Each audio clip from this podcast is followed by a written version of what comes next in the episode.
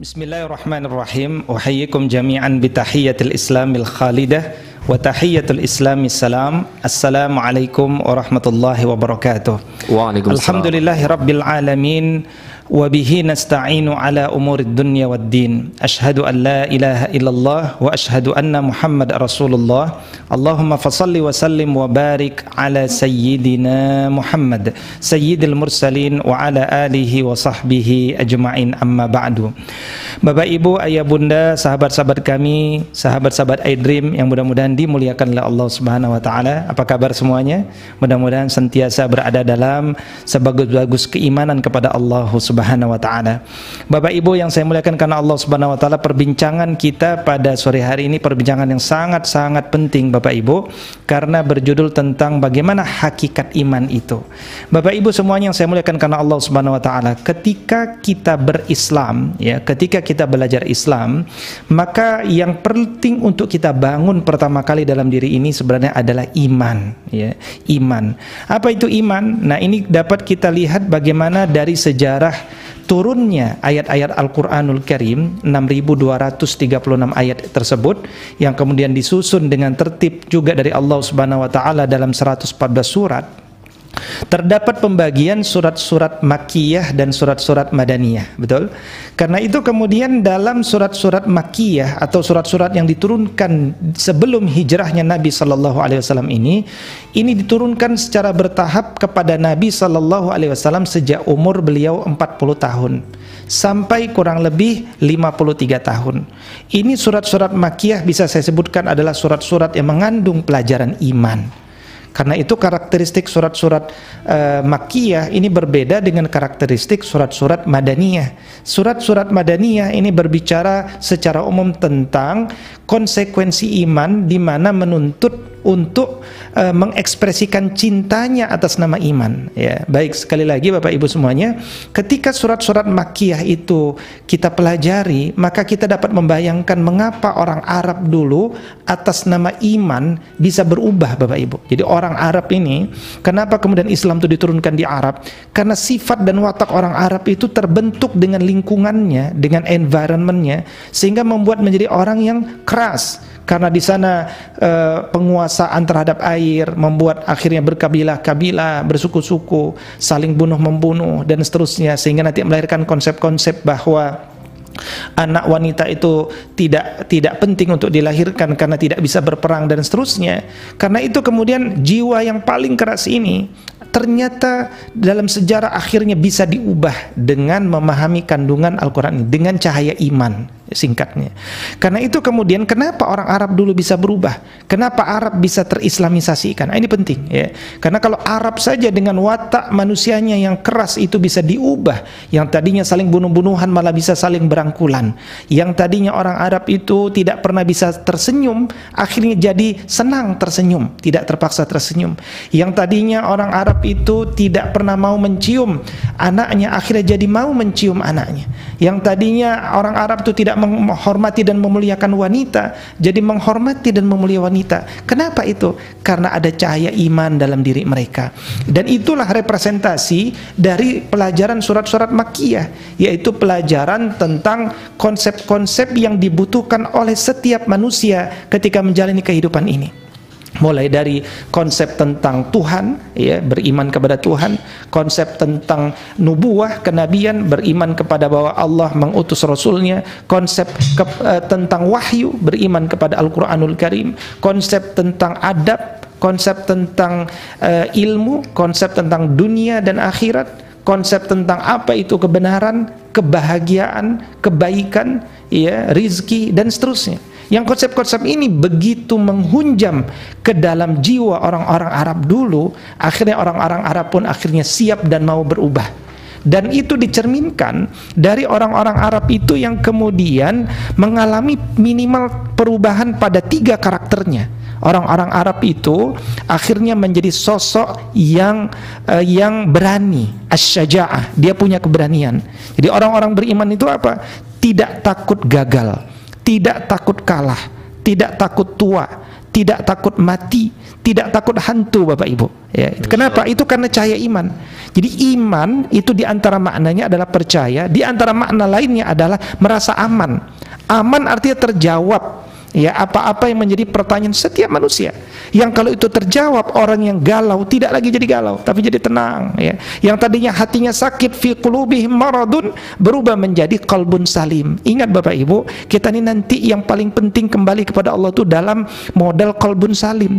Karena hari itu yauma la yanfa'u malun wala banun illa man atallaha biqalbin salim. Tidak ada yang bermanfaat baik hartanya maupun keturunannya kecuali ketika yang mereka mereka kembali kepada Allah dengan hati yang bersih. Karena itu cahaya iman mengubah karakter jiwa manusia yang tadinya takut menjadi berani.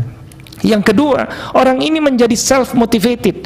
Dia memiliki at-tafaul, punya motivasi ya punya motivasi hidup. Kegagalan bagi dia kesuksesan yang tertunda. Itu orang beriman. Karena itu kemudian orang-orang seperti ini akhirnya selalu bisa memotivasi dirinya dan inilah bekal untuk terbiasa memotivasi orang lain. Jadilah orang-orang beriman itu di mana pun dia berada dia menjadi produktif dan solutif. Bukan malah jadi problematika di tengah masyarakat. Karena masyarakat ini sudah banyak masalahnya. Tapi ketika muncul sedikit saja orang-orang beriman dia menjadi bercahaya. Seperti lilin yang menerangi sekelilingnya. Yang ketiga ketiga, orang yang punya iman itu nanti karakternya adalah orang itu menjadi tenang jiwanya. Ya, tadi sebelum belajar iman, orang-orang Arab itu galau, ya, gampang marah, emosinya tidak stabil, ya. Dia punya jiwa an-nafsun am, uh, ammaratum bisu, selalu mengajak kepada keburukan. Tapi lama-lama dia belajar agama, dimulai dari konsepsi iman secara benar, akhirnya hatinya menjadi lembut, hatinya menjadi lembut, hati menjadi lembut, berubahlah dia menjadi nafsul lawamah, ya. Terus menerus ya, nafsul lawamah ini kadang baik, tapi kadang juga suka masih uh, kembali kepada kejahilannya terus menerus. Akhirnya orang yang punya jiwa lawama ini berubahlah menjadi nafsul mutmainnah, jiwa yang tenang. Nah, Bapak Ibu semuanya, kalau Bapak Ibu telah mendapatkan ketenangan dalam hidup ini, rawat Bapak Ibu ketenangan hidup ini. Rawat terus sampai mudah-mudahan Allah Subhanahu wa taala wafatkan kita dengan mengutus malaikatnya dan memanggil kita dalam kondisi ya ayyatuhan nafsul mutmainnah irji'i ila rabbiki radiyatan mardiyah ya. Fadkhuli fi ibadi wadkhuli jannati. Eh, wahai jiwa-jiwa yang tenang kembalilah kepada Rabbmu dalam kondisi ridho dan diridhoi oleh Allah Subhanahu wa taala. Kenapa ada orang yang ridho dan kenapa ada orang yang tidak ridho? Dia ridho karena konsekuensi iman telah dia tegakkan seluruhnya. Dia tidak ridho kenapa? Karena ada begitu banyak konsekuensi iman yang mungkin dia belum mau untuk melaksanakannya. Keburu sudah diwafatkan oleh Allah Subhanahu wa taala karena itu kemudian Bapak Ibu yang saya muliakan karena Allah SWT coba kalau kita perhatikan surat-surat Madaniyah yang baru diturunkan di umur Nabi 53 sampai 63 tahun. Ini isinya adalah konsekuensi iman. Jadi sekali lagi kalau orang itu telah mengenal Allah, Makanya ilmu yang paling pertama adalah fa'lam annahu la ilaha illallah. Ilmu mengenal tentang Allah. Kalau dia telah mengenal tentang Allah, hakikatnya dan masya Allah, alhamdulillah, ya satu-satunya agama yang nama Tuhannya ada dalam kitab suci. Cara melafazkannya ada dalam kitab suci. Cara hakikatnya ada dalam kitab suci. Dan kemudian bagaimana cara untuk mengekspresikan cinta kepada Tuhan yang telah dikenal itu ada dalam kitab suci. Tidak ada yang dikarang oleh pemuka agama. Pemuka agama sekedar menyampaikan kepada umat ini apa yang ada dalam kitab suci. Itulah hakikat nama Tuhan kita Allah. Lafzun jalalah yang mulia itu ismul azam. Dialah Allah yang kemudian uh, hakikatnya adalah satu sifat-sifatnya sudah jelas dan bagaimana mengekspresikan cinta itu. Karena itu orang yang beriman Bapak Ibu. Ya orang yang beriman itu dia tidak dipaksa untuk melakukan sesuatu bahkan dia mencari sesuatu ya contoh ya. Eh, para sahabat Nabi ya terdapat tiga perilaku sahabat Nabi yang ditemukan padahal Nabi masih hidup waktu itu yang mereka terlalu berlebihan untuk mewujudkan cinta mereka kepada Allah Subhanahu wa taala. Ada di antara mereka yang mengharamkan pernikahan mengharamkan wanita. Takut cintanya kepada Allah berkurang. Yang kedua ada yang berpuasa enggak berbuka-buka. Tapi begitupun ada yang sholat malam tidak tidur-tidur. Padahal Nabi adalah standar keimanan. Sebaik-baik keimanan itu ada takaran takarannya. Dan takarannya adalah as-sunnah. Takarannya adalah perbuatan perkataan dan ketetapan maupun diamnya Nabi Shallallahu Alaihi Wasallam. Karena itu kemudian akhirnya orang ini diingatkan ciri beriman itu adalah hakikatnya menetapkan sesuai pada tak, pada kadar yang dicontoh oleh Nabi Shallallahu Alaihi Wasallam. Anda salat malam tapi anda juga tidur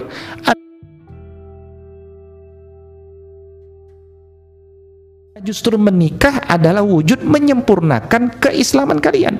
Nah karena itu sejak umur 53, umur 53 Nabi SAW di, dibimbing untuk membangun masjid umur 54 membangun ekonomi syariah, pasar syariah agar mandiri umat ini. Umur 54 Nabi pun membangun politik Islam dengan menulis surat-surat kepada raja-raja besar.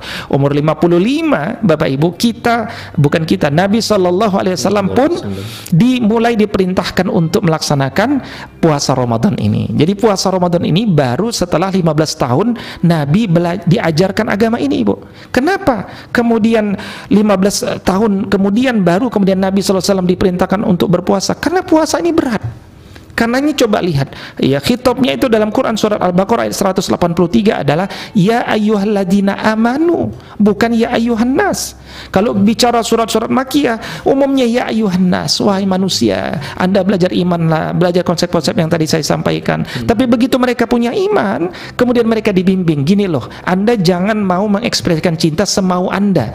Beragama itu bukan pakai perasaan. Beragama itu bukan pakai hawa nafsu. Beragama itu pakai ilmu. Orang iman beriman itu tenang karena dia di atas ilmu. Karena itu penting bagi orang itu untuk belajar ilmu. Karena itu ilmu mendorong kepada seseorang untuk apa? Untuk melaksanakan puasa Ramadan. Dan ternyata orang-orang beriman pada saat itu ketika melaksanakan puasa Ramadan baru diperintahkan di, dibimbing pula lebih lanjut Nabi SAW untuk diperintahkan berjihad. Jadi pertama kali jihad itu di umur 55 tahun dan terus menerus sampai umur 63 dan wujud orang-orang beriman adalah dia tidak takut takut dalam berjihad. Bahkan dia berdoa Allahumma amitna ala syahadati fi sabilika. Ya Allah matikan kami bersama iman kami syahid di jalan Allah subhanahu wa ta'ala. Kalau mereka terkena wabah seperti COVID-19 ini mereka tidak berlari dari tempat ini karena khawatir untuk menzalimi orang lain. Dan karenanya ketika dia wafat karena epidemi ini dengan niat lurus karena Allah subhanahu wa ta'ala mengharapkan pahala darinya maka dia pun mendapatkan pahala seperti pahala syahid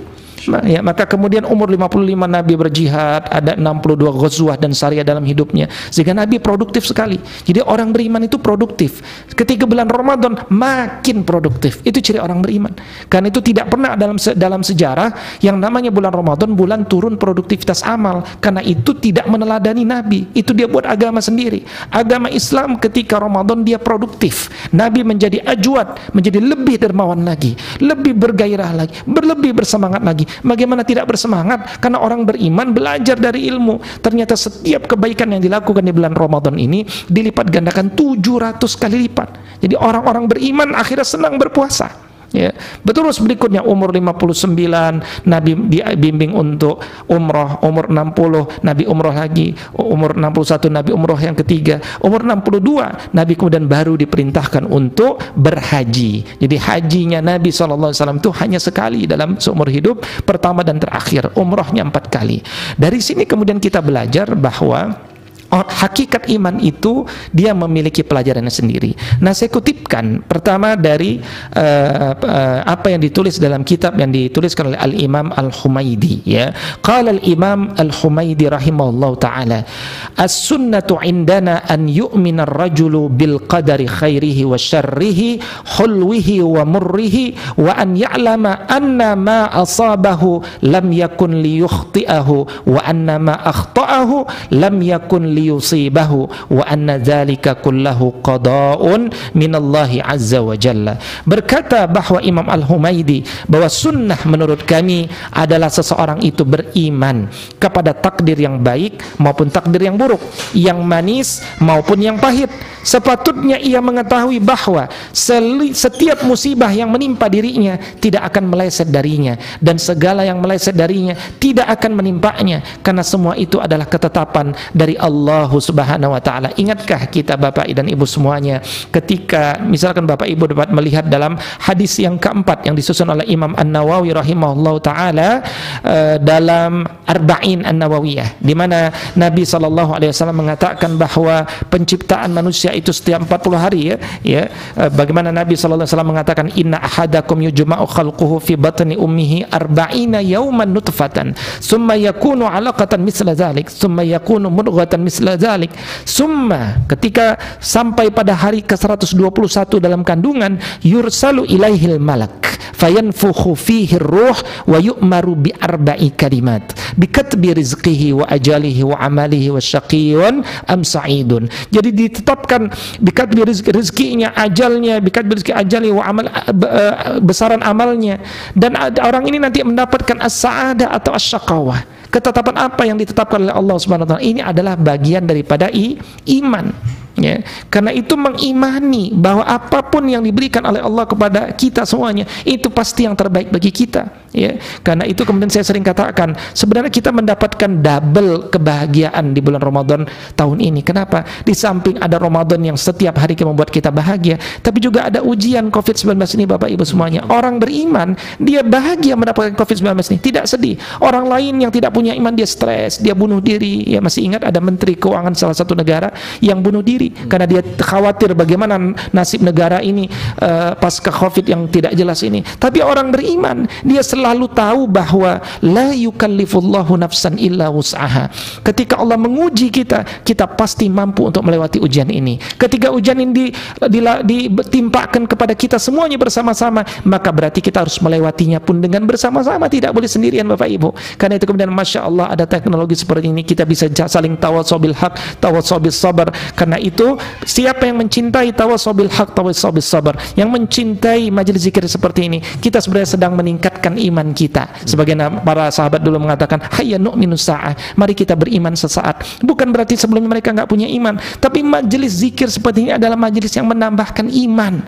Karena itu berkata Imam Al-Huwaidi dalam uh, matannya wa annal imana qaulun wa amalun yazidu wa yanqus wa la yanfa'u qaulun illa bi amalin wa la amalun wa qaulun illa bi niyatin wa la qaulun wa amalun wa niyatun illa bi sunnatin. Bahwa iman itu bu, tidak cukup dalam hati saja Bapak Ibu. Iman itu juga perkataan dan amal perbuatan. Dia bisa bertambah dia bisa berkurang. Wa la yanfa' qaulun illa bil, bil amal. Enggak cukup cukup orang mengaku berkata-kata aku beriman kalau tidak diikuti dengan amal. Wala amalun wa qaulun illa biniyatin tapi enggak cukup perkataan dan perbuatan kecuali diawali dengan dengan niat wala qaulun wa amalun wa niyatun illa bisunnah. Tapi enggak cukup juga semua yang saya sebutkan tadi perkataan amal niat kalau tidak mengikuti sunnah. Karena itu kemudian sunnah ini menjadi standar takaran tentang cahaya iman itu. Karena itu ketika Nabi Shallallahu Alaihi Wasallam katakan al iman situn aisabuna syu'bah. Iman itu ada 60 hingga 70 syu'bah. Ini menunjukkan bahwa iman itu ada cabang-cabangnya. Orang-orang yang beriman sering mengatakan aku sudah beriman aku sudah beriman. Tapi kan bukankah itu sebenarnya masih abstrak juga? Ya, apakah kita sangat beriman atau kurang beriman atau berimannya sama semuanya? Padahal ahlu sunnah wal jamaah mengatakan iman itu bisa bertambah, dia bisa berkurang. Karena itu kemudian tugas kita menambah iman itu. Bagaimana cara menambah imannya? Supaya terukur dan terdefinisilah kemudian Nabi Shallallahu Alaihi Wasallam mengatakan iman itu ada 60 hingga 70 cabang.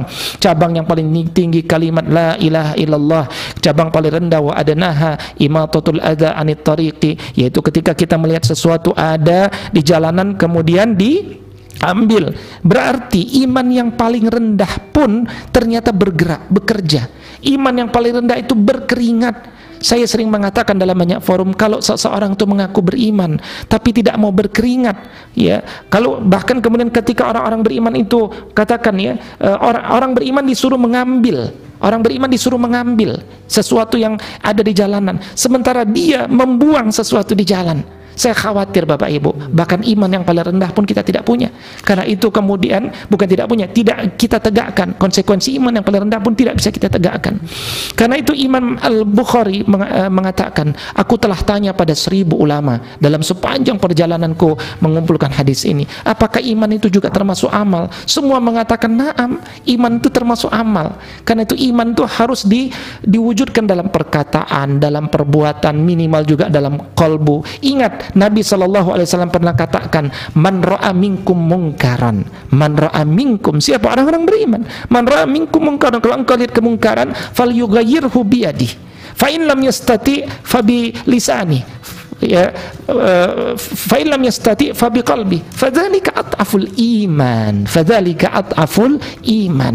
Iman yang paling rendah itu adalah kalau dia melihat kemungkaran ya dia nolak dalam hati oh udah saya yang penting saya nggak mau uh, yang penting saya nggak terlibat saya benci udah cukup itu saja itu beriman naam tapi itu iman yang paling rendah Padahal kita ingin masuk surga, surga yang paling tinggi. Bagaimana mungkin kita ingin masuk surga paling tinggi dengan iman yang paling rendah? Karena naikkanlah Bapak Ibu dengan apa? Tawasau bil haq lisan. Orang beriman itu lisannya bicara. Man kana yu'minu billahi wal yaumil akhir falyakul khair aw liyasmut. Dia berkata baik atau diam. Itu ciri orang beriman. Tapi kalau lisannya digunakan oh tidak untuk berkata-kata. Padahal kata Nabi sallallahu padahal Allah Subhanahu wa taala telah mengatakan dalam Quran surat Fussilat, "Wa man ahsanu qawlan mimman da'a ilallahi wa amila salihan wa qala innani minal muslimin." Kalimat yang paling baik itu kalimat mengajak manusia ke jalan Allah Subhanahu wa taala, mencegah orang berbuat kemungkaran. Ya. Nah, itu iman pertengahan. Iman yang paling tinggi apa? Dia ubah dengan kekuatannya, dengan tanda tangannya, dengan powernya, dengan jabatannya, ya, dengan posisinya. Karena itu bersyukurlah Bapak Ibu yang punya posisi. Kenapa? Karena banyak orang mau berbuat nggak punya posisi. Bapak Ibu punya posisi nggak mau berbuat. Pertanggungjawaban sebagai orang beriman besar di hadapan Allah Subhanahu Wa Taala. Bagaimana?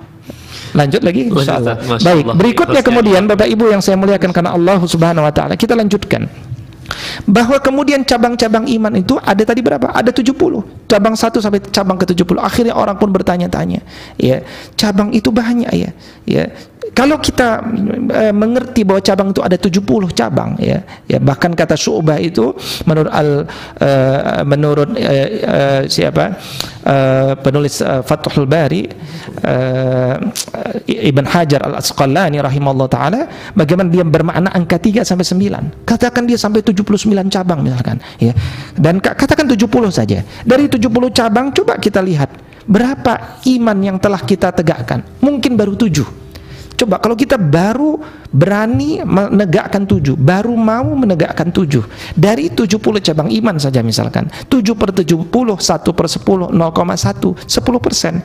Kita bisa mengukur, berarti cabang iman kita, iman kualitas iman kita baru sepuluh persen. Kenapa? Karena ada sembilan puluh persen yang kita sudah tahu, kita bisa mengamalkan, tapi kita nggak mau mengamalkan. Berbeda dengan orang yang tidak tahu, ya atau dia ingin mengamalkan tapi nggak bisa mengamalkan karena medannya belum kebuka ya. Karena itu kemudian Bapak Ibu kalau ingin tahu 70 cabang iman ini, ah, masya Allah orang-orang soleh dulu, orang-orang beriman dulu kalau ingin tahu mereka belajar, mereka tulis. Akhirnya kita pun uh, membacanya dan mereka pun jadi terkenal. Ya, jadi Bapak Ibu banyak orang-orang soleh hari ini tahu untuk dirinya sendiri, dia tidak mau untuk berbagi. Akhirnya namanya pun hilang di telan zaman. Ya. Di antara yang namanya tetap hidup hari ini adalah Imam Al Baihaqi. Imam Al Baihaqi ini menulis kitab Syu'abul Iman, cabang-cabang iman. Dia tulis apa apa cabang paling awal sampai akhir? Misalkan Man kana yu'minu billahi wal yaumil akhir falyukrim dhaifahu. Barang siapa beriman kepada Allah dan hari akhir, maka dia muliakan tamunya. Beriman kepada Allah hari akhir berarti dalam hati. Falyukrim dhaifahu berarti dengan perbuatannya, dengan amalnya, ya. Ketika dia menyampaikan dengan baik tamunya, berarti dengan kata-katanya berkumpul seluruh cabang itu. Ya, man kana yu'minu billahi wal yaumil akhir falyuhsin ila jari. Dia berbuat baik kepada tetangganya, Masya Allah ya. Jadi karena itu kemudian orang beriman itu menginginkan sesuatu yang lebih, sesuatu yang yang kemudian uh, memuliakannya. Baik, berikutnya Bapak Ibu semua yang saya muliakan karena Allah Subhanahu wa taala. Saya masukkan lagi tahap-tahap uh, konsepsi iman uh, yang difahami oleh akidah Ahlussunnah wal Jamaah, yaitu uh, memuliakan para sahabat Nabi sallallahu alaihi wasallam. Saya bacakan matan yang ditulis oleh Ali Imam Al-Huwaidi. Al-Humaidi yakni wattarahumu ala ashabi Muhammadin sallallahu alaihi wasallam kullihim fa inna Allah azza wa jalla qala walladzina ja'u min ba'dihim yaqulu يقولون ربنا اغفر لنا والإخواننا الذين سبقونا بالإيمان. يا ولا تجعل في قلوبنا غلا للذين آمنوا. ربنا إنك رؤوف رحيم. فلن يؤمن إلا بالإستغفار لهم. فمن سبهم أو تنقصهم أو أحدا منهم فليس على السنة وليس له في الفيء حق.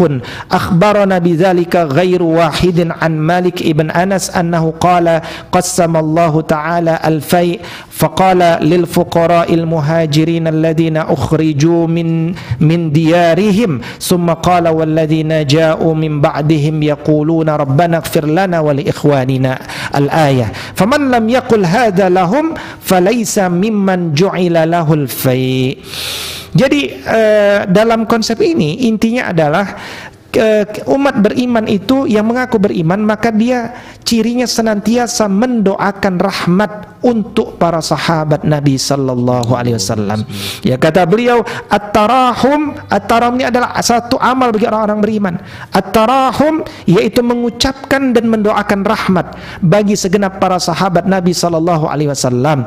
Karena sahabat Nabi sallallahu alaihi wasallam ini tentangnya Allah Subhanahu wa taala telah berfirman dalam Quran surat Al-Hasyr ayat ke-10 walladzina ja'u min ba'dihim yaqulun dan orang-orang yang telah datang sebelum kita ini yaitu orang-orang muhajir dan ansar. Mereka selalu berdoa Rabbana ya Rabb kami berilah ampun saudara kami. Ya berikanlah ampunan kami dan saudara-saudara Rabbana gfir lana wali ikhwanina alladzina sabaquna bil iman yang telah beriman lebih dulu dari kami. Jadi orang-orang muhajirin ansor saja mereka terbiasa mendoakan orang-orang soleh, orang-orang beriman sebelumnya. Karena itu kenapa kemudian kita tidak pernah mendoakan para sahabat Nabi? Karena itu misalkan ba'da kita Allahumma salli ala Muhammad wa ala alihi Muhammad sampai selesai, bacalah wardallahumma an sadatina Abi Bakrin wa Umar wa Utsman wa Ali wa anis sahabati ajma'in wa anit tabi'in wa tabi'ihim bi ihsanin ila ila yaumiddin. Jangan lupa, itu menunjukkan bahwa kita tak melakukan tarahum,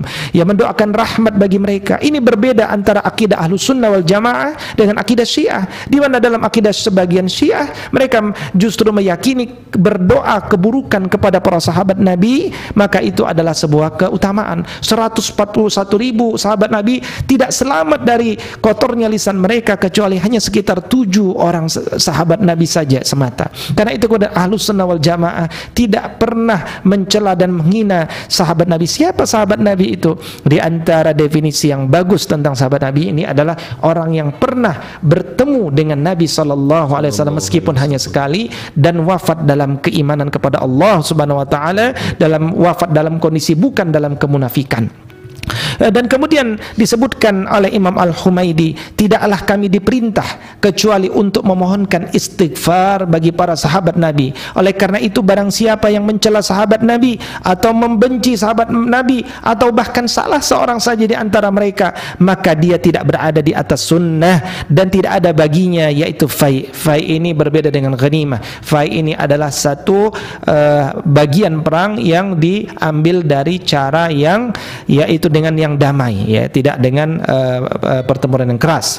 Kemudian disebutkan lebih dari seseorang telah mengabarkan kepada kami. Misalkan dari Imam Malik bin Anas bahwa beliau berkata Allah Subhanahu wa taala telah memberi bagian rapasan perang lil fuqara'il muhajirin alladziina ukhriju min diyarihim yaitu juga bagi orang-orang fakir miskin dan orang-orang yang berhijrah yang diusir dari kampung halaman mereka. Allah Subhanahu wa taala juga berfirman wal ikhwanina uh, lana ighfir Eh, dan orang-orang yang datang sudah mereka yaitu muhajirin dan ansar mereka berdoa tadi seperti yang saya sebutkan Quran surat Al-Hasr ayat ke-10 intinya dari apa yang disampaikan oleh Imam Al-Humaydi dalam konsep ini adalah bagaimana kita para para orang-orang yang beriman ini mampu untuk senantiasa menjaga uh, penghormatan kita kepada sahabat Nabi wasallam. Dengan cara apa? Satu mendoakan mereka, ya Rabbana Rabbana.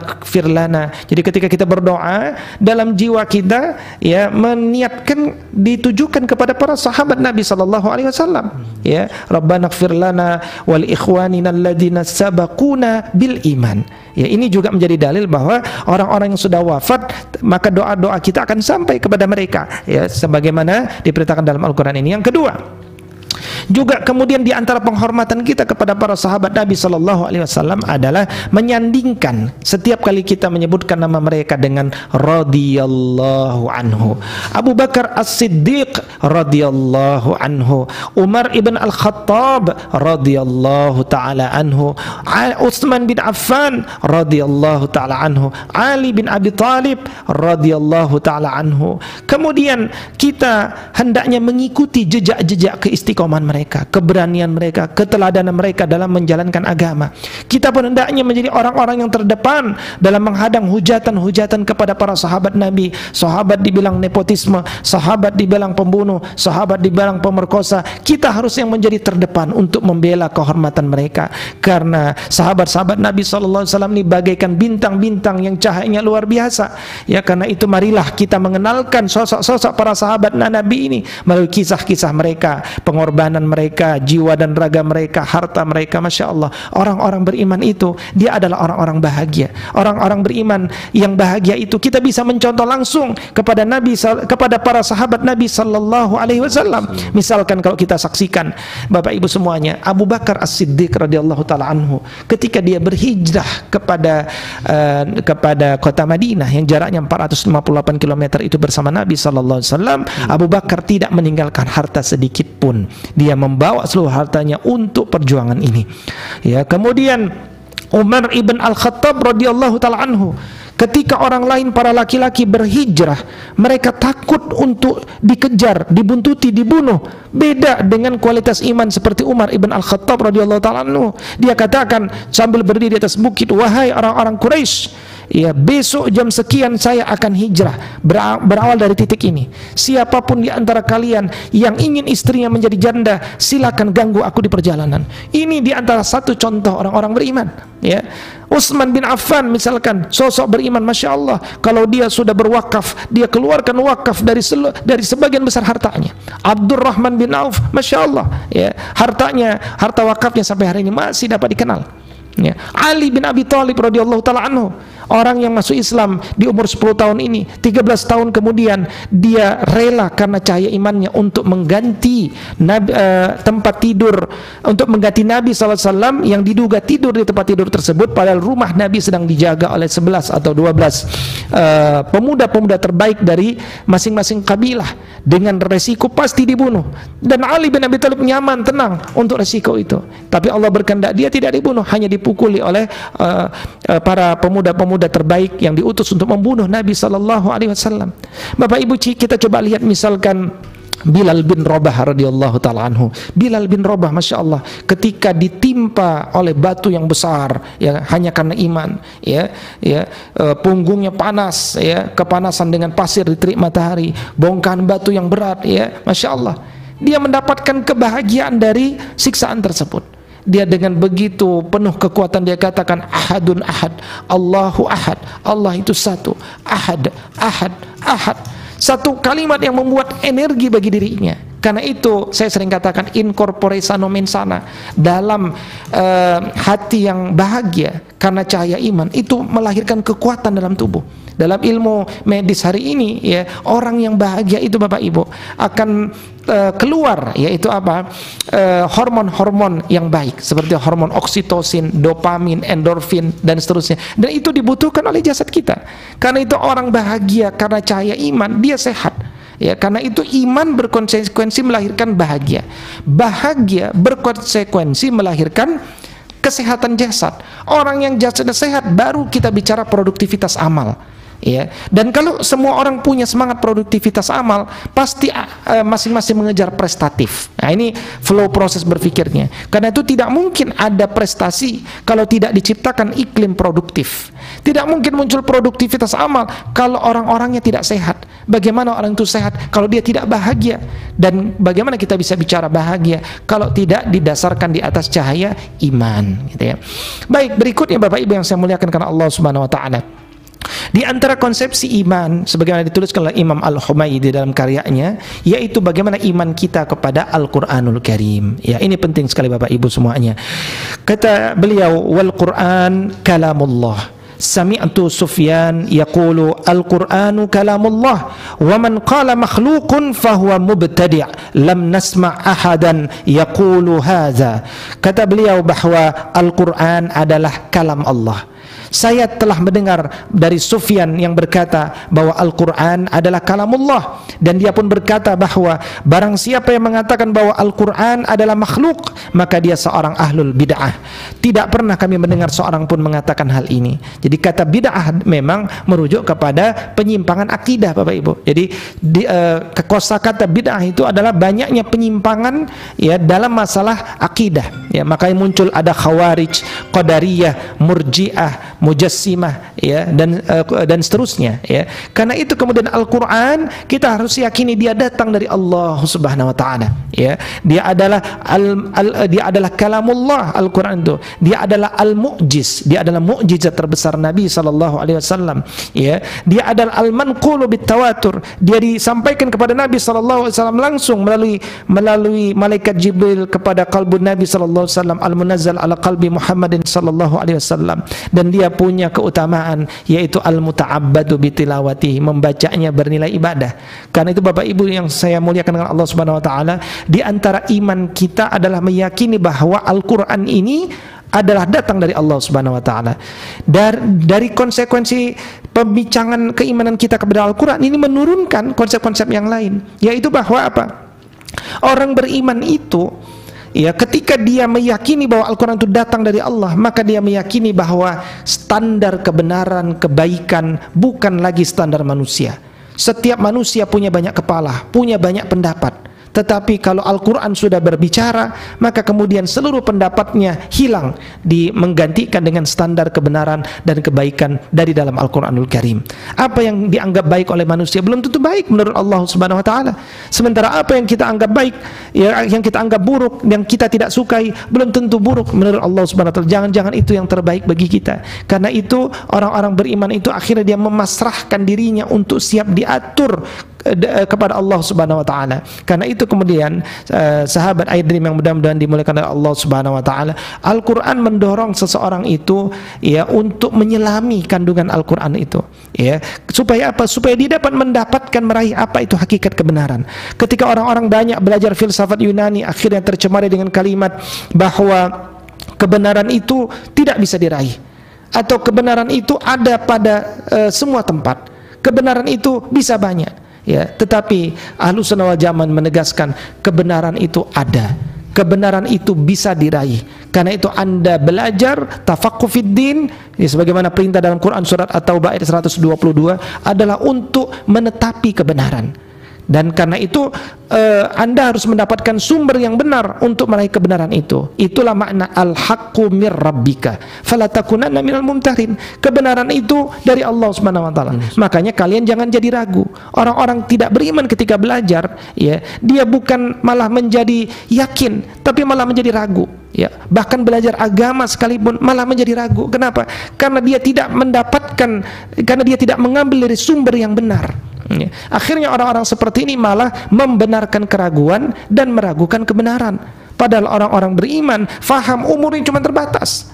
Iman itu harus segera ditegakkan. Bagaimana mungkin kalau belasan tahun atau sekian tahun dari umurnya berada dalam kebingungan, sungguh sia-sia karena uh, dia saja belum tenang bagaimana untuk melahirkan amal-amal yang besar untuk dunia ini. Karena itu kemudian didorong ya luar biasa oleh agama ini untuk segera menetapi kebenaran. Ya, karena itu karena itu kemudian orang-orang belajar agama ini akhirnya menjadi mendapatkan ketenangan. Ya, orang-orang belajar agama itu untuk mendapatkan keberkahan. Orang-orang beriman itu belajar untuk mendapatkan hidayah. Dan Allah Subhanahu wa taala langsung buka ya ketika orang beriman itu selalu berdoa ihdinas siratal mustaqim berikan kami hidayah agar senantiasa istiqomah di jalan Allah Subhanahu wa taala. Maka kemudian ternyata uh, ketika uh, Al-Qur'an memasukkan pada surat berikutnya itu surat kedua Allah Subhanahu wa taala langsung katakan zalikal kitabu la raiba fihi hudal lil muttaqin. Kitab Al-Qur'an ini diturunkan kepada Allah kepada kalian sebagai sumber hidayah bagi kalian sebagai sumber hidayah bagi kalian, bagi orang-orang yang bertakwa. Siapa orang yang bertakwa itu? Ini pelajaran yang paling penting pertama kali ditanamkan oleh Allah sebelum amal-amal, yaitu apa? Walladzina yu'minuna bil ghaib, yaitu orang itu beriman kepada yang tidak yang wujudnya tidak terlihat dengan empirik ya dengan panca indera ya mata tidak melihat hidung tidak melihat ya uh, telinga tidak melihat ya kulit tidak melihat dan seterus, uh, tidak merasakan dan seterusnya. Tapi dia mampu beriman ketika panca inderanya tidak dapat menyaksikannya itulah tantangan orang beriman paling awal. Kalau itu sudah terlewati maka masya Allah dia akan bisa berlanjut lebih jauh lagi ya. Tentunya kajian ini masih panjang ya tapi uh, karena waktu sudah cukup kita coba lihat uh, uh, mungkin ada pertanyaan ataupun hal-hal yang lebih lanjut. Wallahu alam. Assalamualaikum warahmatullahi wabarakatuh. Waalaikumsalam warahmatullahi wabarakatuh. Jazakumullah khair kepada Dr. Widows Praha yang sudah memberikan uh, inspirasi pada kita sekalian tentang tadi mungkin uh, menjelaskan tentang manifestasi iman bahkan gitu ya bagaimana kemudian kita bisa merasa tenang, sakinah dan sebagainya. Uh, Ustadz, ini ada beberapa pertanyaan dari viewers kita dari sahabat Adim di beberapa daerah. Kita langsung uh, diskusi mungkin Ustaz ya. Baik, insyaallah. Pertanyaan pertama dari Umu Ibrahim dari Düsseldorf, Jerman. Assalamualaikum warahmatullahi wabarakatuh. Izin bertanya Ustaz, jika hati sering merasa gelisah karena khawatir ini itu, apakah indikasi lemahnya iman? Dan satu lagi Ustaz, bagaimana menyeimbangkan antara khauf dan roja? Uh, saya mungkin sering uh, banyak khaufnya Ustaz. Jazakumullah khair. Baik, bismillahirrahmanirrahim Bapak Ibu semuanya, Bapak Ibu punya khauf dan roja, saya pun punya khauf dan roja dan itu sifat manusiawi, ya. Persoalannya bukan pada khauf dan roja itu, tapi uh, persoalannya bagaimana kita membawa sikap khauf dan sikap roja, khauf dengan benar, roja juga pada sesuatu yang benar. Khauf takut kepada sesuatu yang memang layak ditakuti. Nah, karena itu sebelum kita mengarang-arang, kita perlu sumber hidayah. Karena itu kemudian manusia, ya Bapak Ibu, manusia itu kan ada tiga unsur. Ya, Al-Quran itu hadir mendidik manusia kan? Mendidik apanya? Mendidik tiga unsur ini Bapak Ibu. Ya, tiga unsur itu apa? Ini akalnya satu. Ya, yang kedua kolbunya Bapak Ibu. Yang ketiga apa? Jasadnya Bapak Ibu. Nah, adapun jasad itu kata Imam Al Ghazali dia kendaraan jiwa. Dia tidak, dia sekedar menunggu. Ya, kolbu mau nyuruh dia apa nih? Nah, karena itu tahapan menurut hemat kami pertama kali adalah akal kita dulu Bapak Ibu, ya. Akal kita dulu harus menetapi apa itu kebenaran tadi yang terakhir saya sampaikan, ya. Tetapi apa itu kebenarannya? Ya, saya harus takut dengan apa ya? Contoh, Bapak Ibu hari ini banyak di antara kita yang ketakutan untuk sesuatu yang kita buat sendiri yaitu takut dengan hantu misalkan ya. Kenapa bapak ibu takut hantu? Iya karena ternyata dulu ada kurikulum di rumah saya ketika saya masih kecil yaitu mengajak anak saya untuk menonton film-film hantu di bioskop dengan tiket 35 ribu. Artinya apa? Kita dengan tiket 35 ribu kita beli ketakutan bapak ibu. Dan ketakutan yang sifatnya abadi mungkin karena sampai tua tidak pernah hilang dari kepala. Padahal kalau kita tidak kurikulumkan menonton ke bioskop di masa kecil itu oleh orang tua kita mungkin kita tidak pernah sosok yang tidak perlu kita takuti. Pertanyaannya kemudian setelah kita belajar agama, apakah kemudian kita layak takut kepada sesuatu yang dibuat oleh produser film? Sesuatu yang sebenarnya tidak ada. Karena itu kemudian kita tidak boleh takut kepada sesuatu yang tidak ada. Begitupun banyak orang takut dengan ya Allah nanti saya hidup seperti apa? Misalkan dulu ketika saya mau menikah saya punya takut. Kalau saya menikah nanti saya makan apa ya? Kalau saya punya anak nanti anak saya dikasih makan apa? Ah nggak mau punya anak banyak ah anaknya satu aja biar dan semua ketakutan itu manusiawi. Tapi kemudian uh, ilmu yang menetapi kebenaran itu bagaimana kemudian kita menjadi tenang bahagia menetapi ilmu karena itu Bapak Ibu yang kemudian masih berada dalam kegalauan itu biasa. Dalam proses panjang menuntut ilmu itu enggak sebentar Bapak Ibu, tulus zaman, butuh waktu yang lama. Tapi proses harus benar. Tahapannya harus bertahap dan sistematis terus menerus ya.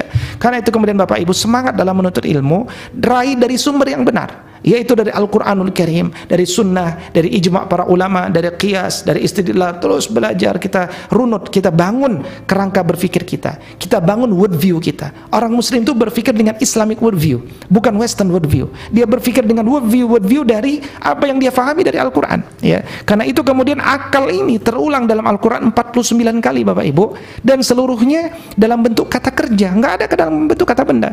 Karena tugas berat akal itu adalah di di antara era big data yang informasi luar biasa ini dia harus mampu me, memilah kemudian melokalisir yang persoalan dan memilih Nah, itu pekerjaan berat. Bagaimana dia bisa memilih kalau dia tidak punya standar untuk memilih? Karena itu kemudian e, mereka memilih mana ya, ya dari informasi yang benar. Tidak semuanya jadi ilmu Bapak Ibu. Jangan-jangan sebagiannya sampah, garbage. Ya, kita kita terlalu mahal akal ini untuk untuk menyimpan memori berupa sampah. Kita masukkan, kita pilah, ya, kita pilah, masukkan ke dalam diri. Nah, karena itu kita butuh terbiasa berpikir. Ya, berpikir adalah pekerjaan dasar manusia. Ini kan ma ma mata pelajaran pertama dari ilmu alamiah dasar kalau di kampus ya. Karena itu kemudian dalam ilmu natural science berpikir itu adalah pekerjaan dasar manusia. Orang itu diminta untuk berpikir. Dan orang yang berpikir dalam Al-Qur'an dia akan mendapatkan gelar ulul albab ulul albab itu ya 16 kali terulang di dalam Al-Qur'an. Untuk mendapatkan ulul albab itu satu misalkan dia harus senang tadabur Quran. Nih Bapak Ibu bulan Ramadan ini jangan sekedar khatam Al-Qur'an saja, tapi juga khatam tilawah lafaz dan tilawah maknanya juga. Dia harus faham apa bagaimana kandungan isi Al-Qur'an karena Al-Qur'an itu hadir untuk difahami. Kita khatam 313 kali tapi tidak faham, maka kemudian kita tidak disebut sahibul Quran karena pasti cara berpikir kita masih tetap dalam ketakutan. Kita pasti tidak memiliki keberanian kita pasti tetap tidak punya motivasi. Hati kita tidak pernah tenang. Karena itu dalam Quran surat Sad surat 38 ayat ke-29 Allah katakan kitabun anzalnahu ilaika mubarakul liyadabbaru ayatihi waliyatazakkara ulul albab. Nah berikutnya kemudian ulul albab itu apa? Alladzina yazkuruna Allah qiyaman wa qu'udan wa ala junubihim wa yatafakkaruna fi khalqis samawati wal ardi. Rabbana ma khalaqta hadza batila subhanaka faqina waqina azaban nar. Ini ciri yaitu ulul albab. Karena itu orang-orang yang kemudian dia senang berpikir, mampu memfilter informasi yang benar datang dari Allah SWT dan Rasulnya, disampaikanlah kepada kolbu, ibu ya. Ini panjang tadi ya, sampai kepada kolbu. Nah kolbu ini satu instrumen untuk memproses informasi benar, bapak ibu, ya. Karena itu uh, kolbu tadi tadi saya sampaikan sebelum belajar agama orang Arab itu fi qulubihim maradun. Dalam kolbunya itu ada penyakit, ego, ya tidak ingin dibilangin, dia punya jabatan, pangkat, kemewahan dan seterusnya itu biasanya sulit untuk berubah dan seterusnya. Sama orang Arab. Orang Arab bukan bukan tidak tahu kebenaran, dia tahu kebenaran, tapi dia tidak mau berubah karena egonya. Nah, itu maksudnya itu contoh fi qulubihim maradun. Dia belajar agama lama-lama akhirnya dia berubah menjadi kolbun salim. Dia berubah menjadi hati yang bersih ya Masya Allah. Nah kolbun salim inilah yang nanti memproses ilmu yang benar. Bagaimana kemudian mengubah kolbun tadinya sakit menjadi kolbun salim? Nah, itulah di antara riyadoh riyadoh dia perlu riyadoh. Di antara apa? Zikir. Kata Allah Allah Subhanahu wa taala berfirman, "Walladzina amanu wa tatma'innu qulubuhum bi dzikrillah dzikrillah ala bi dzikrillah tatmainnul qulub. Orang-orang beriman itu hatinya menjadi tenang dengan zikir kepada Allah. Ingatlah hanya dengan zikir kepada Allah hatinya menjadi tenang. Makanya ya Bapak Ibu dan semuanya ya di bulan Ramadan ini coba ba'da salat subuh berjamaah di rumah ya. Coba kita ajak anak-anak kita meskipun anak kita umur 6 tahun 7 tahun sama Bapak Ibu. Ya mereka insya Allah kalau dibiasakan mereka mau baca buka ya zikir-zikir dari Nabi. Misalkan al surat kubro. Baca. Dari awal sampai itu habis 30 menit loh Bapak Ibu. Kita baca bersama-sama. Anak-anak kita insya Allah menikmati ya. Percaya insya Allah mereka menikmati. Meskipun umur mereka masih 6 tahun. Selama kita membuat mereka enjoy dalam berzikir menikmati. Orang itu beragama harus bahagia. Tidak boleh menjadi trauma dalam beragama. Karena itu harus diciptakan environment literasi. Environment di mana mereka banyak membaca menikmati dan memahami. Untuk mendorong high order thinking berpikir tinggi ya. Karena itu dia menikmati Masya Allah. Nah ketika hatinya hatinya lembut, ya, hatinya bersih, hatinya jernih, maka informasi benar itu akhirnya dapat diolah dengan proses yang benar. Nah, jasad tinggal negakin.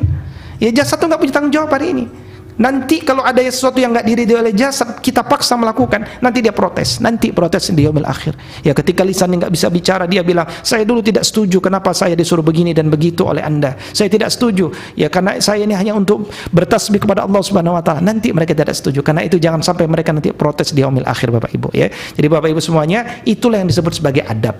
Orang yang beradab itu adalah orang yang memiliki disiplin of mind, soul, and body. Ketika tiga unsur ini uh, kita buat disiplin, akhirnya apa? Muncul ya misalkan kalau kita buat key performance index bagi orang-orang beriman itu misalkan munazzamun fi su'uni. Teratur urusannya. Kenapa? Disiplin. Rapi. Folder-folder komputernya susunan buku-bukunya tempat baju-baju seterusnya. Itu munazzamun fi su'uni. Ya. Cara dia berpikir cara dia menangani masalah cara dia melihat fatwa dari ulama. Ulama mengatakan anda uh, uh, begini ya salat jumatnya begini ya salat tarawih begini ya salat ini begini. Dia disiplin cara berpikirnya. Ya dia tahu kepada siapa yang harus dirujuk siapa yang otoritatif. Ketika dia harus memilih ikut perasaan dia atau ikut ilmu orang beriman sudah tahu bahwa beragama itu tidak boleh pakai hawa nafsu. Ya, karena banyak orang ahli ibadah, ya tapi banyak orang ahli ilmu. Kata Nabi, fadlul alim alal abid ka fadlul qamar lailatal badri ala sairil kawakib. Orang-orang yang beralim itu, orang-orang yang berilmu itu, itu seperti rembulan. Cahayanya luar biasa, masya Allah terang.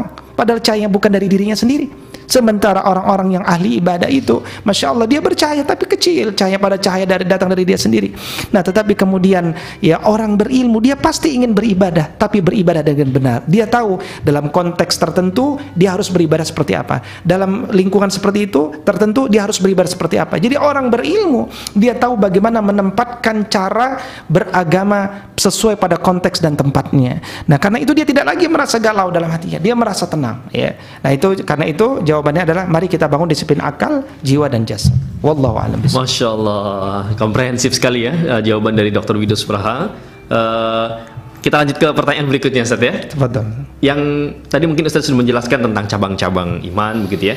Uh, ada 70 cabang iman dan ada pertanyaan dari Pak Agus Amiruddin Uh, saya ingin tahu Ustaz 70 cabang iman tersebut dan kemudian pertanyaan yang mungkin serupa adalah apakah kesempurnaan iman mensyaratkan harus dijalankannya ke semua cabang iman tersebut? apakah antara cabang-cabang iman itu memiliki derajat atau kedudukan-kedudukan yang berbeda? Baik, bismillahirrahmanirrahim. Pertanyaan sama tadi jam 2 juga ditanyakan pada kajian live sebelumnya yaitu terkait tentang memang cabang-cabang iman itu di, ke, disampaikan kepada Allah Subhanahu wa disampaikan oleh Nabi SAW kepada kita agar kita tahu ya, kita tahu. Setelah kita tahu, kita harus mulai dari mana? Biasa, mulai dari yang mudah Terus sampai mana kita melakukannya? Ingat Bapak Ibu, Al-Qur'an mengatakan ya dalam Quran surah yaitu uh, surat Al-Baqarah ya ya ayyuhalladzina amanu dkhulu fis-silmi kafah. Wahai orang-orang beriman, masuklah kalian ke dalam Islam secara kafah. Apa tafsir kafah menurut Ibn Katsir? Tafsir kafah menurut Ibn Katsir adalah tegakkan seluruh cabang-cabang iman dan tegakkan syariat Islam semaksimal mungkin. Artinya, yang membatasi kita untuk tidak mampu menegakkan cabang iman itu adalah kemampuan kita, istitoah. Ya. Karena itu kemudian kalau kita mampu kerjakan, Ya, karena itu sebelum kita mengerjakannya, tolabul ilm dulu, pelajari ilmu dulu. Apa dari 1 sampai 70 itu? Nabi cuma mengatakan iman paling tinggi adalah uh, la ilaha illallah, iman paling rendah adalah imatatul adza anit tariq, menjauhkan gangguan di jalan, wal haya'u minal iman. Di antara kedua itu adalah malu sebagian daripada malu itu iman, ya. Nah, yang selebihnya lagi mana? Nah, itulah kemudian ulama mencari di antara yang sangat komprehensif dalam mengkaji ini, Bapak Ibu nanti cari karya Imam Al-Baihaqi yang berjudul Kitab Syu'abul Iman, cabang-cabang iman. Coba dicari, dibaca, dibuat uh, apa namanya? dibuat diagramnya ya dibuat dibuat tulisannya ditulis mungkin di, boleh juga di print di di dinding ya ditulis sehingga seluruh anak e, membaca dan mereka akhirnya punya punya kerangka berpikir. Oh iya aku harus begini aku harus berbakti sama orang tua. Aku tidak boleh melakukan riba. Aku harus tidak boleh bersumpah palsu. Aku harus berbakti sama kedua orang tua. Akan begitu. Itu semua cabang-cabang iman itu disampaikan secara detail oleh e, Imam Al Baihaqi nah kalau begitu siapa yang disebut beriman? Yang menegakkan seluruhnya semampu kita ya semampu kita ada tadi saya katakan ada orang yang tidak bisa melakukan itu bukan karena dia tidak mau dia udah belajar pengen melakuin tapi medannya nggak ada gitu. medannya nggak ada nah makanya saya katakan orang dapat musibah itu harus bahagia kenapa kita ini dikasih medan untuk menegakkan uh, cahaya iman itu yaitu dengan apa? Dengan bersabar dalam musibah. Ya, berbahagia kita karena dengan inilah kemudian kita dapat melakukan istirja yang mengucapkan innalillahi wa inna ilaihi rajiun. Inilah cara Allah untuk meninggikan derajat kita di hadapan Allah sebagaimana Nabi mengatakan man yuridillahu bi khairan yusib min barang siapa orang itu dikendaki kebaikan maka dia akan diuji dengan musibah. Inilah kesempatan bagi kita untuk mendapatkan potensi ulaika alaihim salawatu min rabbihim wa rahmah wa ulaika humul muhtadun dapat rahmat, dapat doa dari Allah Subhanahu wa taala, dapat petunjuk dari Allah Subhanahu wa taala apalagi yang terbaik. Karena itu tidak ada alasan bagi kita untuk kemudian stres dalam kondisi-kondisi seperti ini. Karena itu kalau Bapak Ibu hanya menegakkan sebagian cabang iman dan mengetahui bahwa Bapak Ibu mampu melakukan sebagian yang lain, maka berarti iman Bapak adalah mengambil sebagian dan meninggalkan sebagian. Sementara cara dalam kita beragama itu adalah menjadi muslim yang kafah. Muslim totalitas maksudnya apa? Mencoba semaksimal mungkin untuk melengkapi apa-apa yang sudah kita ketahui dari Nabi SAW melalui warisan para ulama. Demikian. Wallahu a'lam. Masya Allah. Ustaz ini pertanyaan berikutnya kita lanjut. Uh, ada hubungannya dengan pertanyaan yang sebelumnya. Kenapa iman ulama atau alim masih bisa turun Ustaz? Sedangkan ilmu mereka mumpuni. Ini pertanyaan dari Pak Surya yang kemudian uh, dilanjutkan lagi. Setiap orang memiliki keimanan yang berbeda-beda. Apa yang menyebabkan uh, perbedaan keimanan orang tersebut? Baik, bismillahirrahmanirrahim. Allah Subhanahu wa taala katakan fa'alhamaha fujuraha wa taqwaha. Kita ini semuanya diciptakan punya sifat fujur, sifat punya takwa. Itu manusia Bapak Ibu. Manusia itu dinamakan insan fasumiyal insanu insana li'annahu uhidaf fanasiya. Manusia itu dinamakan insan supaya dia ingat bahwa dulu dia pernah berjanji di yaumi alastu. Alastu birabbikum kata Allah. Apakah aku ini?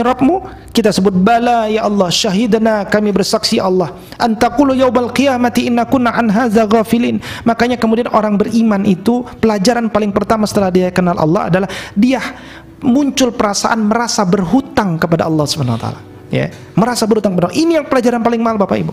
Bapak ibu belajar biologi belajar fisika ternyata nggak kenal Allah. Rugi bapak ibu.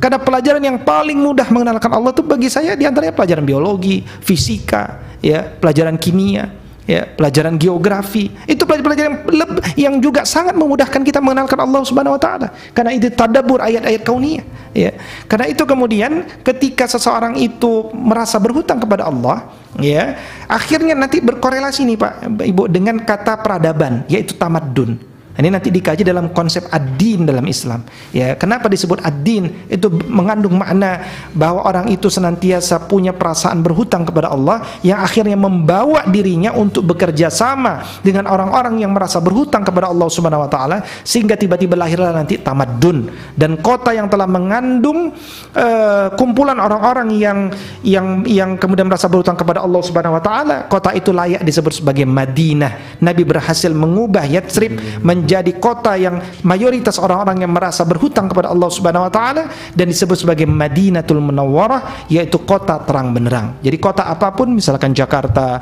ya atau Jerman misalkan ketika berhasil mayoritas orang didorong untuk untuk untuk memiliki merasa berhutang kepada Allah, orang itu layak disebut sebagai Madinah Huzelberg atau Madinah Jakarta dan seterusnya dan seterusnya ya. Karena itu kemudian uh, kenapa ulama uh, juga dia imannya bisa turun? Ya karena dia manusia. Ya, itulah dia manusia, manusiawi. Ya, karena itu kemudian godaan syaitan kepada alim ulama itu berbeda dengan godaan syaitan kepada orang awam. Ya, orang sekelas ulama kalau hafal, ya, kalau dia menghafal Al-Quran, kemudian dia melakukan kemaksiatan yang sebenarnya dia bahkan dia tidak dia sengaja misalkan tersingkaplah betis seorang wanita misalkan gitu ya ya dia tidak kehendaki ya bisa hilang 40 ayat Al-Quran orang awam melihat itu mungkin nggak ada masalah. Ya kenapa mungkin nggak ada hafalan juga gitu ya, ya jadi orang-orang yang alim ulama itu beda yang mendekati dia untuk menurunkan. Karena semakin tinggi jadi rekor karir kita itu bapak ibu penting difahami ya. Ya uh, orang itu sebelum belajar agama dia disebut jahil. Ya jahil. Jahil itu bukan orang bodoh. Orang cerdas IQ-nya tinggi tapi nggak kenal Allah. Itu jahil disebut. Makanya perbuatan orang nggak punya ilmu itu disebut jahiliyah Nah dia lama belajar ilmu karena dorongan iman ya. Jadi orang beriman itu didorong menuntut ilmu. Kalau orang beriman nggak nuntut ilmu, cuma di situ aja dari derajatnya. Lihat dalam Quran surat Al-Mujadilah surat 58 ayat 11 kalau, kalau tidak salah Allah katakan yarfa'illahu alladziina amanu minkum walladziina utul ilma darajat. Allah orang itu kalau beriman dia lebih tinggi dari manusia yang lain. Tapi kalau dia menuntut ilmu, masya Allah tinggi sekali, berbeda-beda ketinggiannya. Nah karena itu orang itu mulia bukan sekedar banyak riwayatnya, orang itu mulia karena mendalam di riwayatnya.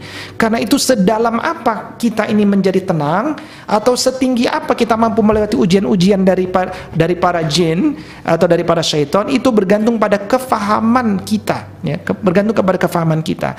Jangan nilai seseorang itu sekedar banyak riwayatnya banyak yang dia hafal. Tapi mulia, eh, tetapi kenali kedalaman orang itu dari apa yang dia fahami.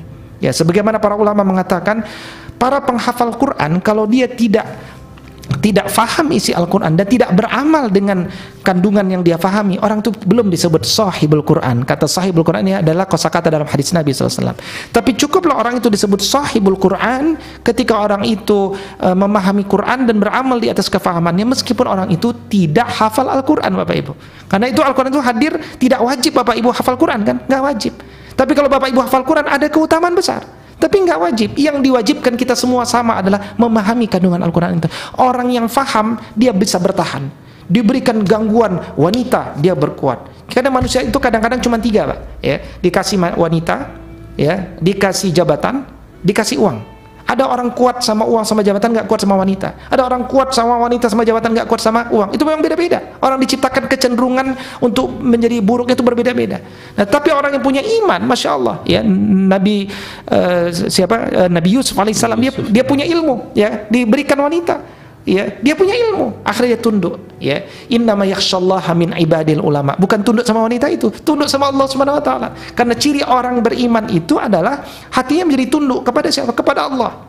Kalau kita banyak tahu, banyak tahu hadis, banyak tahu ayat, banyak tahu ilmu, tapi kita nggak nggak kenal dengan Allah, amalia kita nggak nggak kemudian uh, uh, nggak nggak kemudian tunduk kepada Allah Subhanahu Wa Taala, Anda baru tahu, tapi Anda belum berilmu. Karena itu uh, uh, karir orang-orang menuntut ilmu itu dalam proses tafakufiddin sebelumnya dia jahil dia mudah-mudahan berubah jadi alim. Setelah dia alim dia berubah menjadi fahim ya. Setelah dia uh, menjadi fahim dia berubah lagi nih insya Allah menjadi fakih nah, itu karir tertinggi itu. Orang yang terbiasa berpikir mendalam fakih Kan itu kata Nabi Shallallahu Alaihi Wasallam, man yuridillahu bihi khairan yufaqihu fid din. Orang yang dikendaki kebaikan orang itu dimudahkan untuk jadi fakih dalam agama. Dan ini butuh waktu lu zaman, nggak bisa enam bulan belajar, satu tahun belajar, nggak. Dia perlu uh, belajar teori, kemudian uh, di, di, diberikan praktek-praktek yang kemudian membuat dia belajar lagi. Dia perlu berada dalam lingkungan baik dan buruk sehingga kemudian dia bisa komparasi semuanya. Karena itu kemudian Al-Quran sembilan kali dalam Al-Quran menjelaskan fasih fasiru fasiru fasiru. Berjalanlah kalian. Misalkan fasiru fil ardi fanzuru kaifa kana akibatul mukadzibin. Berjalan ke muka bumi. Artinya apa? Kalian harus banyak piknik. Kalian harus banyak berjalan. Banyak piknik itu apa? Banyak baca banyak guru, jangan pernah mencoret guru, banyak berjalan sehingga punya banyak wawasan. Orang banyak wawasan akhirnya dia bisa menjadi lebih kokoh. Ya, mungkin kalau dia informasinya terbatas, dia dia datang orang politik kepada dia, orangnya orang baik, tolong dukung, dukung. Tapi kalau dia banyak bacaannya, banyak wawasannya, ada orang datang, oke, okay, saya terima masukan, saya lihat lagi, saya lihat lagi, akhirnya dia bisa mengkomparasi. Ya, banyak orang-orang yang dikenal ke, secara zahir orang alim, tapi keputusan-keputusan dunianya, keputusan-keputusan orang-orang awam ya kenapa? Karena terbatas wawasannya. Ya karena itu kemudian ya kenapa uh, sekelas ulama dia bisa berbeda uh, bisa juga memiliki kelemahan? Ya karena dia manusiawi. Ya ada satu kisah luar biasa yang pernah saya baca. Dari kalangan ulama dahulu ya uh, dari ulama khalaf ya ketika dia akhirnya untuk menjaga imannya itu dia bangun uh, apa kuburan di dalam rumahnya ya maksudnya galian di dalam rumahnya. Ketika dia merasa lemah imannya maka kemudian dia uh, masuk ke dalam lubang itu dia tidur di situ dia seakan-akan dia sudah mati. Dan dia kemudian bergidi ketakutan. Dan akhirnya kemudian dia lompat dari uh, uh, kuburan yang dia bangun itu. Kemudian dia semakin bersemangat lagi semakin bersemangat lagi. Jadi itu menunjukkan satu kisah di mana mereka pun perlu riadoh. Mereka perlu latihan-latihan ya jiwanya supaya tetap istiqomah ya. Karena semakin tinggi orang itu ber, uh, naik ke atas pohon ya. Saya pernah naik misalkan saya pernah naik satu menara te telekomunikasi ya yang 100 meter peninggalan orang Belanda yang kokoh betul dari bawah besar kokoh betul. Tapi saya naik sampai ke atas ternyata di atas goyang-goyang Bapak Ibu. Goyang-goyang ya mengerikan di atas itu ya. Jadi ternyata apa yang kita anggap kokoh hari ini ternyata di atas goyang luar biasa. Karena itu kalau Bapak Ibu menemukan ulama yang soleh luar biasa ya uh, uh, muliakan mereka. Kenapa? Karena mereka ini orang-orang yang godaannya luar biasa berat ya. Tapi mereka bisa bertahan masya Allah. Dia berbeda dengan dengan bapak ibu yang tidak pernah mendapatkan godaan. Mereka godaan yang lebih besar. Ya karena itu kemudian uh, ya, ya itulah jawabannya karena dia manusiawi ya. Kenapa orang berbeda-beda? Ya karena cara orang untuk mensikapinya juga berbeda-beda. Ada orang yang punya ilmu ada orang tidak punya ilmu. Ada yang sedikit ada yang faham ada yang banyak piknik dan seterusnya. Itu semuanya sangat mempengaruhi keluasan kita ya. Demikian bapak ibu. Wallahu a'lam Masya Allah, terima kasih banyak uh, jazakallah khair kepada Dr. Wido sudah memberikan banyak sekali inspirasi. Rasa-rasanya kita perlu nambah lagi satu jam nih Ustaz ya. Tapi karena waktu yang terbatas ada sekitar empat pertanyaan yang mungkin belum bisa dijawab. Tapi mungkin uh, beberapa halnya berkaitan dengan iman dan amanah, kemudian tentang tamadun. Tadi juga uh, sedikit sudah disinggung oleh Dr. Wido. Uh, mungkin di sesi akhir ini saya persilahkan Dr. Wido untuk menyampaikan uh, closing statement ya Ustaz ya. Fadal Ustaz. Baik, bismillahirrahmanirrahim. Bapak Ibu semuanya, umur kita terbatas. Kata Nabi A'maru ummati baina sittin wa sab'ina sana. Ayat-ayat yang berbicara tentang kullu nafsin za'iqatul maut itu terulang lima kali. Tapi kemudian di ayat yang sama ditutup dengan kalimat yaitu Anda masih hidup ya kalau anda mengharapkan uh, sawab dunia nu'ti minha wa yuridu uh, sawab al-akhirah nu'ti minha ya wasana jadi syakirin. Allah akan akan balas dengan orang-orang yang mensyukuri. Mensyukuri bahwa dia masih punya umur. Dia masih punya kesempatan untuk hidup. Karena itu ya bersemangatlah fokus pada tujuan akhir kita. Masuk ke jannahnya Allah yang paling tinggi. Bukan sekedar masuk jannah Bapak Ibu. Ada orang masuk jannah tapi melewati neraka dulu. Tentu kita semuanya tidak menginginkannya. Kita berlindung kepada Allah. Allahumma inna na'udzubika min azabil qabri wa min azabi jahannam wa min fitnatil mahya wal mamat wa min syarri fitnatil masihid dajjal. Itu doanya Nabi SAW menjelang salam Bapak Ibu karena itu fokus kita masuk ke surganya Allah untuk masuk ke surganya Allah fokus kita untuk mati dalam kondisi husnul khotimah untuk mati dalam kondisi husnul khotimah maka kemudian ke, kemudian setiap tahapan menuju uh, husnul khotimah itu kita tegakkan dengan sempurna karena itu bagaimana supaya bisa sempurna pelajari mulai dari iman dulu Bapak Ibu karena bangunan Islam itu ada iman kemudian ibadah, baru kemudian akhlak. Iman kuatkan Bapak Ibu. Orang yang iman, dia percaya betul kepada Allah Subhanahu wa taala. Dia punya akidah, dia ikatkan hatinya kepada Allah Subhanahu wa taala. Dia bertauhid bahwa dia mensatukan Allah Subhanahu wa taala sebagai satu-satunya Allah. Karena itu kalau orang beriman dia akhirnya dia aman. Aman karena apa? Terjawab semua pertanyaannya. Karena itu Bapak Ibu kalau kita masih galau, kalau kita masih belum tenang, yuk kita sama-sama tafaqquh fiddin. Belajar dengan banyak guru, belajar dengan tahapan yang benar. Imam uh, Nu'man bin Sabit Abu Hanifah di umur 55 tahun memiliki 4000 guru Bapak Ibu 4000 guru dan dia tidak pernah mencoret guru-gurunya ya bahkan kita hari ini bisa baca juga ada seorang guru yang dulu mengajarkan abatasa kepada kita semuanya. Mungkin ilmu dia tidak bertambah tapi tanpa dia kita tidak bisa belajar hari ini. Karena itu ciri orang-orang beriman adalah dia berusaha memiliki cara pandang komprehensif, dia juga selalu doakan orang-orang terdahulu, dia doakan juga guru-gurunya dan dia berharap kemudian dia tularkan Bapak Ibu. Ya, orang beriman itu tidak sekedar beriman untuk dirinya sendiri, tidak sekedar kesolehan intelektual individunya sendiri, tapi juga dia dorong kepada kesolehan sosial. Ya karena itu kemudian kalau ada yang bertanya, orang beriman ini nanti membangun peradabannya dari mana? Tahapannya adalah bangun dirinya dulu, islahun nafsihi, sampai punya karakter-karakter yang standar dimiliki itu. Setelah itu dia perbaiki keluarganya, habis itu masyarakatnya, habis itu kemudian negaranya, undang-undangnya, kemudian dia mulai bangun kebaikan kepada negeri-negeri lain sampai kemudian dia menjadi guru peradaban Ustaziatul Alam. Mudah-mudahan Bapak Ibu semuanya kita saling bekerja sama, kita saling berbagi peran bersama-sama tapi tetap dengan pandangan hidup Islam.